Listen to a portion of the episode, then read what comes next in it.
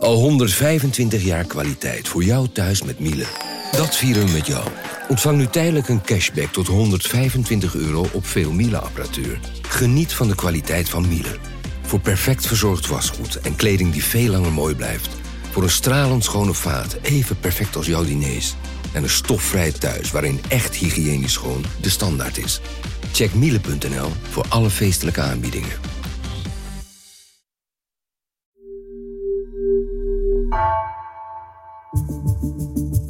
Vanaf de redactie van NRC het verhaal van vandaag. Mijn naam is Thomas Ruip.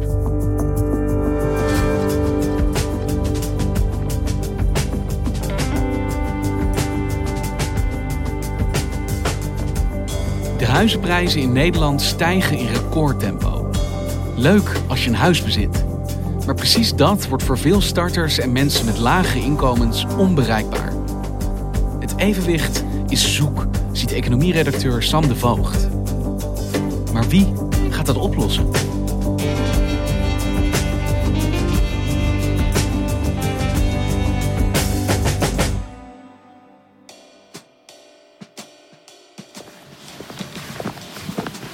Ja, nu, nu zitten we echt in, uh, in historisch Charloes.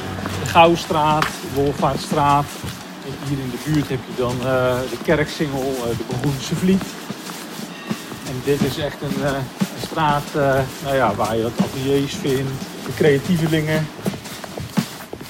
Charloes is een wijk in Rotterdam. En eigenlijk kun je het niet eens een wijk noemen, uh, want het is zo groot dat eigenlijk Charloes ook wel weer onder te verdelen valt in meerdere wijken.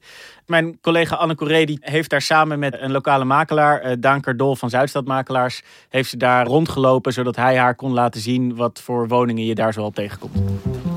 Dit is een hartstikke mooi plein trouwens, even tussendoor. Ja, dit, dit, is, dit, is, uh, dit is volop ja. historie. Oh, wat grappig zeg. De, de eerste primitieve bewoning, dat gaat dan terug in Charloes uh, tot 1200. Hè? Ja. ja maar goed, daar zie je natuurlijk nu niks meer van terug. Maar je had gemeente Charloes. Hè? Er staan volgens mij bijna 15.000 koopwoningen. En het is een wijk waarvan je 14 jaar geleden nog kon zeggen dat het een probleemwijk was. Want toen werd het officieel aangemerkt als een van die vogelaarswijken. Van die wijken die extra geld kregen van uh, toenmalig minister Ella Vogelaar om opgeknapt te worden. Want uh, ze kampte daar met economische, met fysieke, met sociale problemen. Uh, er zat een grote concentratie van sociale huurwoningen. Er was aardig wat criminaliteit, een beetje verloederd. En dat is helemaal veranderd. En waarom zijn jullie dan naar deze wijk gegaan? Nou, omdat de laatste vier jaar de huizenprijzen hier van heel Nederland het hardst zijn gestegen. Huizen zijn in uh, Charloes in vier jaar tijd met uh, meer dan de helft in waarde toegenomen. Dus plus 50 procent, 52, bijna 53 procent zelfs. Nergens in Nederland zijn de huizenprijzen harder gestegen dan hier in Charloes. Ja, dat, uh, dat klopt. En waarom waren jullie daarin geïnteresseerd? Nou, de huizenprijzen zijn wat mij betreft de belangrijkste indicator van eigenlijk dat de woningmarkt de afgelopen jaren uh, oververhit is geraakt. En ik doe dit nu bijna uh, 3,5 jaar, of ik schrijf al bijna 3,5 jaar over de woningmarkt. En uh, toen ik net begon, toen was het kabinet Rutte 3 was net geformeerd. En destijds kon je dat nog niet zeggen, maar als je nu terugkijkt, dan kun je nu eigenlijk wel concluderen dat het vorige kabinet eigenlijk de woningmarkt een beetje links heeft laten liggen. Uh, in maar twee van de 55 pagina's van het regeerakkoord ging het over wonen. En dan nog vooral over hoe we woningen moesten verduurzamen. Niet over hoeveel er gebouwd moest worden, of dat dat sneller moest, of waar dat moest. Het ging van het gas af. Het ging van het gas af, inderdaad. Nou, uh, uh, ook belangrijk, maar iets heel anders. En de minister van Binnenlandse Zaken, uh, Kajsa Ollongren, die kreeg de woningmarkt er eigenlijk een beetje bij. Daarom leek het mij interessant om eens te gaan kijken van wat hebben die huizenprijzen nou in de kabinetsperiode gedaan van een kabinet dat dit niet als speerpunt had. Toen hebben we technologiebedrijf Calcasa benaderd. Zij zijn gespecialiseerd in waardebepalingen van woningen en kunnen dat echt heel precies kunnen ze dat uitzoeken. En dan krijg je een lijst van 1500, ruim 1500 wijken met hun uh, ontwikkeling van de huizenprijs. En Charlo stond daar dus helemaal bovenaan. En zo zijn we uh, naar Charloes en nog vier andere wijken in uh, Nederland gegaan. Uh, die er door, uit die ranglijst uh, met opvallende bevindingen uitkwamen. Eigenlijk met de vraag: wat heeft vier jaar Rutte 3 betekend voor de woningmarkt? Nou ja, eigenlijk meer met de vraag: waarom zijn de prijzen hier juist wel of juist niet hard gestegen? Hoe komt dat en wat voor gevolgen heeft dat gehad? Want als ik me niet vergis, waren de afgelopen verkiezingen uh, die huizenprijzen en de woningmarkt juist wel weer een thema, toch? Ja, je zou zelfs kunnen zeggen dat als deze verkiezingen niet hadden plaatsgevonden in een coronacrisis, dat dan waarschijnlijk wonen en de woningmarkt misschien wel het belangrijkste verkiezingsthema was geweest. Kijk maar naar de verkiezingsprogramma's van de 17 partijen die door die verkiezingen in de Tweede Kamer zijn gekomen. Elk van hen heeft wel een paragraaf of zelfs een heel hoofdstuk over uh, wat er met wonen moet gebeuren. Voor GroenLinks is wonen geen handelswaar om geld mee te verdienen, maar een grondrecht. Iedereen heeft recht op een goede en betaalbare woning. Wat je inkomen ook is. Forum voor Democratie wil betaalbare woningen voor iedereen. De SP wil eerlijke huisvesting voor iedereen. Een betaalbaar huis is geen luxe, maar een recht. Wat kun je mij helpen begrijpen wat er nou precies speelt op de Nederlandse woningmarkt? Nou, je moet allereerst moet je, uh, je realiseren dat de afgelopen vier jaar de huizenprijzen ongelooflijk hard zijn gestegen. De gemiddelde stijging in Nederland, wat Caucasa voor ons heeft berekend, is 36 procent. Dus je huis is eigenlijk in vier jaar tijd, als je een huis hebt, met een derde in waarde toegenomen. Zonder dat je daar eigenlijk iets voor hoeft te doen. Zonder dat je daar eigenlijk iets voor hoeft te doen. En als je dan ook kijkt naar wat die huizenprijzen heeft aangejaagd, dan zijn er eigenlijk twee hele belangrijke exponenten. En dat is aan de ene kant het grote woningtekort. Dus er is veel meer vraag naar woningen dan dat er aanbod is. Meer dan 300.000 geschikte huizen komen we met z'n allen tekort. En als uh, de vraag groter is dan het aanbod, dan krijg je de economische wetmatigheid dat de prijzen stijgen. En aan de andere kant, wat ook heel belangrijk is, is dat de uh, hypotheekrente historisch laag staat. Want dat zorgt ervoor dat je eigenlijk veel geld kunt lenen, uh, terwijl je maandlasten door die lage rente laag blijft. Ja, dus een huis kopen is nog nooit zo makkelijk geweest, maar een huis vinden nog nooit zo moeilijk. Ja,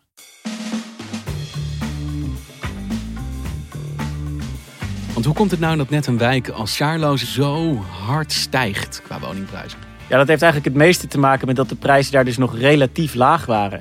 Wat je eigenlijk ziet is dat het hele, de hele oververhitting op de woningmarkt is begonnen in Amsterdam. Met een aantrekkingskracht niet alleen op expats, maar ook op studenten die daar dan konden blijven werken. En op ouderen die dan dicht bij voorzieningen konden wonen. En dat maakte eigenlijk dat de financiële crisis uh, in Amsterdam later voelbaar werd. De financiële crisis die begon in 2008 en in 2012 sloeg dat over op de Nederlandse woningmarkt. En wat je zag is dat Amsterdam daar als, eigenlijk als laatste last van kreeg, maar ook als eerste weer uit, uit het dal klom dat die crisis veroorzaakte. Binnen de Amsterdamse ring bloeit de huizenmarkt alsof er nooit een crisis is geweest. Nieuwe huizen worden gebouwd en oude opgeknapt om vervolgens in recordtempo en fors boven de vraagprijs te worden verkocht. En dus begonnen de prijzen in Amsterdam al snel sneller te stijgen. En op een gegeven moment worden dan de prijzen zo hoog dat niet iedereen ze meer kan betalen. Amsterdam uh, heeft een record bereikt. Uh, de huisprijzen gaan nu echt door het dak. De magische grens is bereikt van een gemiddelde huisprijs van een half miljoen. En die mensen gaan dan zoeken naar andere plekken. Nou, en die zijn op een gegeven moment uitgeweken naar Utrecht, naar Haarlem, naar randgemeenten van Amsterdam, uh, Amstelveen ook. en toen gingen de prijzen daar ook stijgen. En, nou, en wat we dus hebben gezien is dat het zich als een soort olievlek over heel Nederland aan het verspreiden is. Vanuit Amsterdam? Ik denk wel dat je kan zeggen dat het begonnen is in Amsterdam. En dat toen in Utrecht en in Haarlem de prijzen ook onbetaalbaar werden. En dat toen mensen vanuit daar dus ook weer verder gingen zoeken.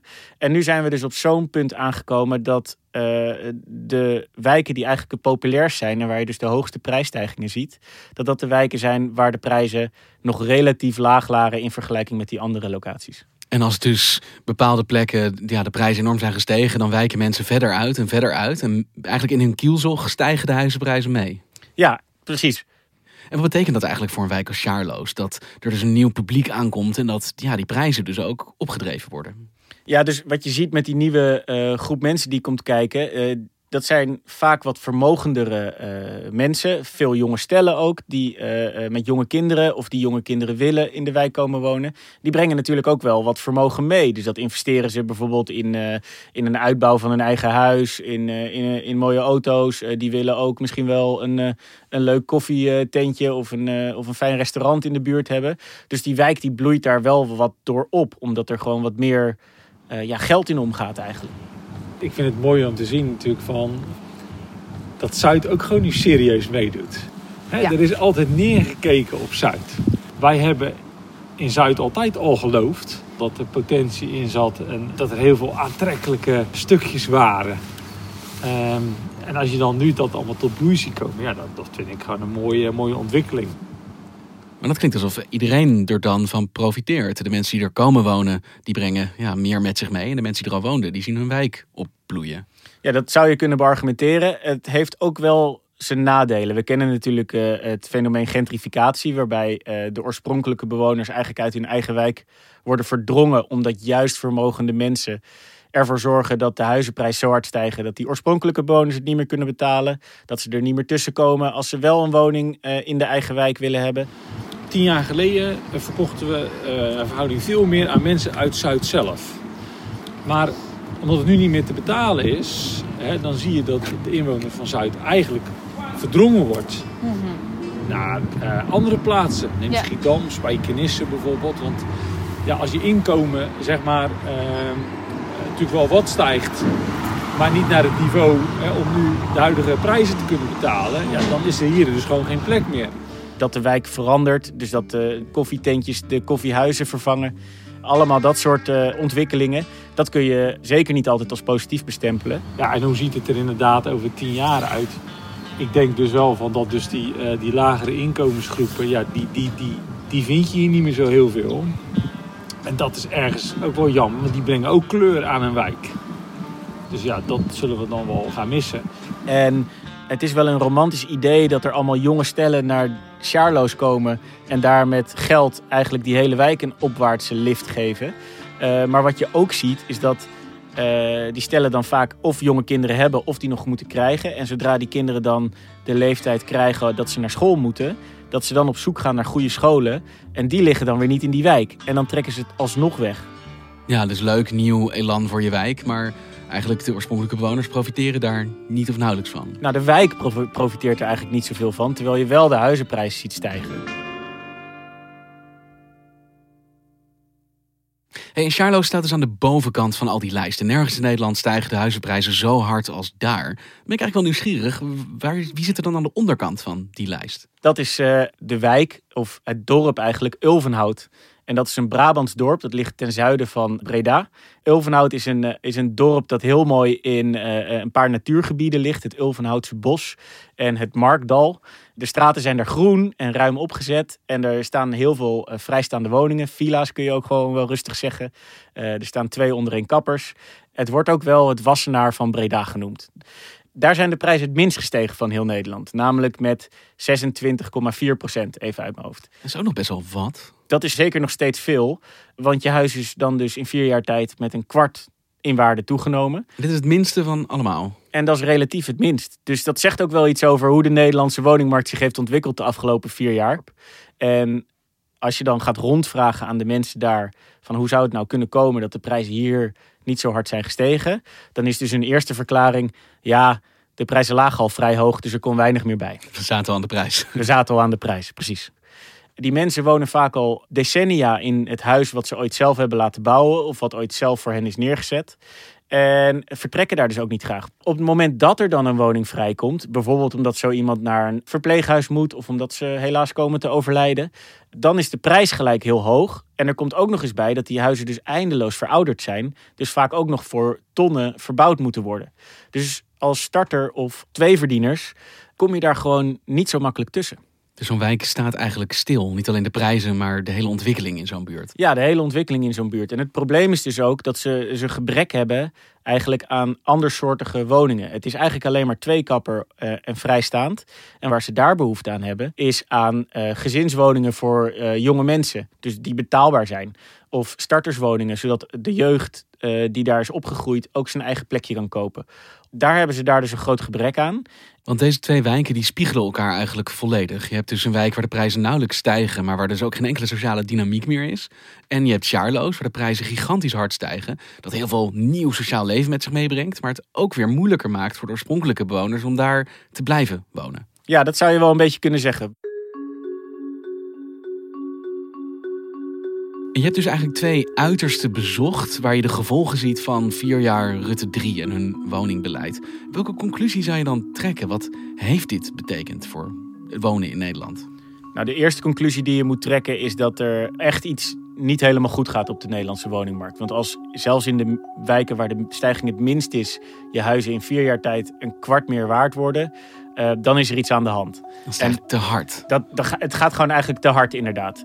Want je krijgt eigenlijk een soort tweedeling tussen mensen die wel een huis kunnen kopen en mensen die niet een huis kunnen kopen. En de mensen die wel een huis kunnen kopen, die profiteren van deze almaar uh, zich doorontwikkelende woningwaarde. En de mensen die geen huis kunnen kopen, uh, die zien die mensen eigenlijk, die andere groep, uit het zicht verdwijnen. Dus mensen die al een huis bezitten, die profiteren hier gigantisch van. En mensen die ja, dusdanig inkomen hebben dat ze hier tussen kunnen komen, uiteindelijk ook. Maar het is dus steeds moeilijker voor mensen aan de onderkant van de inkomens die eigenlijk geen huis meer kunnen betalen als die stijging doorzet. Ja, het is dus steeds moeilijker om ertussen te komen. Uh, en dan heb je het inderdaad vooral over de starters. En op termijn kan dat ook gevolgen hebben voor de hele Nederlandse woningmarkt. Want eigenlijk zijn de starters ook de startmotor van de Nederlandse woningmarkt. Want als zij niet met de aankoop van hun eerste huis uh, de doorstromers financieren, dan krijgt de doorstromer straks zijn huis niet meer verkocht en kan die niet naar het volgende huis. En zo door. Uiteindelijk wordt dat problematisch voor de hele Nederlandse woningmarkt. Want schetsen is een toekomstvisie als je wil. Wat betekent dat voor Nederland als ja, dit zo doorgaat? Nou ja, dat dus die kloof onoverbrugbaar wordt. En dat je straks misschien alleen nog wel aan een huis kunt komen als je of rijke ouders hebt die je kunnen helpen.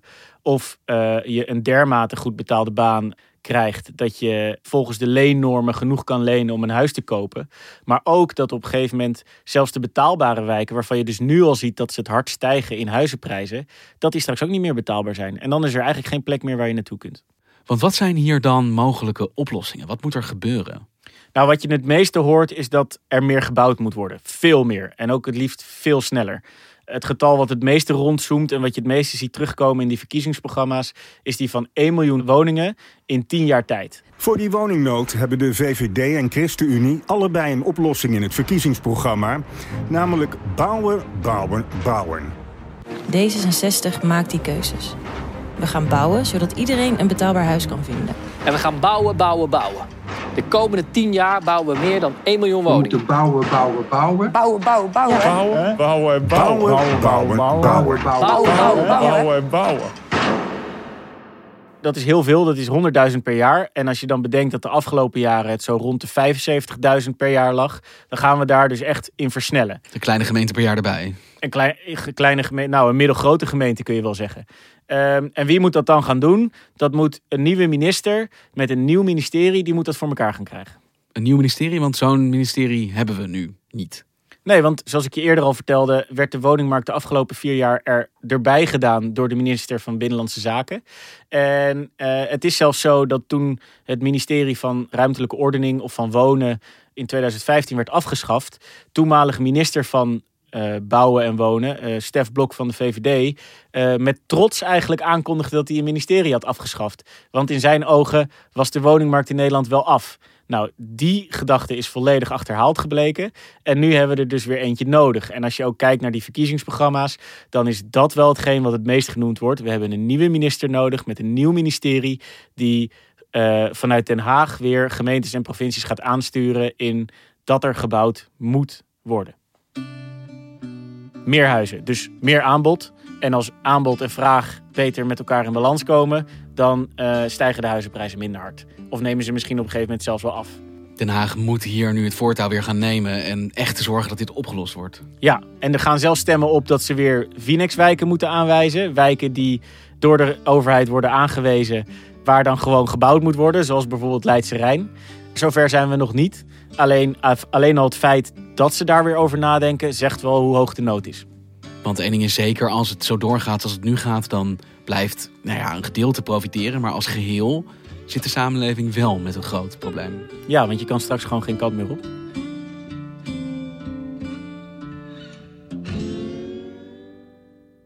Dankjewel, Sam. Graag gedaan.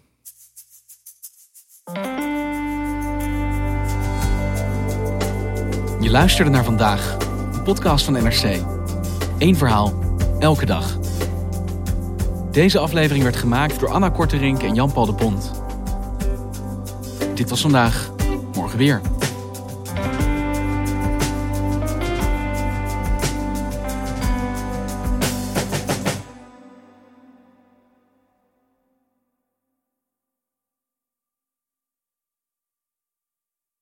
Technologie lijkt tegenwoordig het antwoord op iedere uitdaging. Bij PwC zien we dit anders. Als we de potentie van technologie willen benutten, kunnen we niet zonder een menselijk perspectief. Human-led, tech-powered noemen we dat. Ga naar pwc.nl.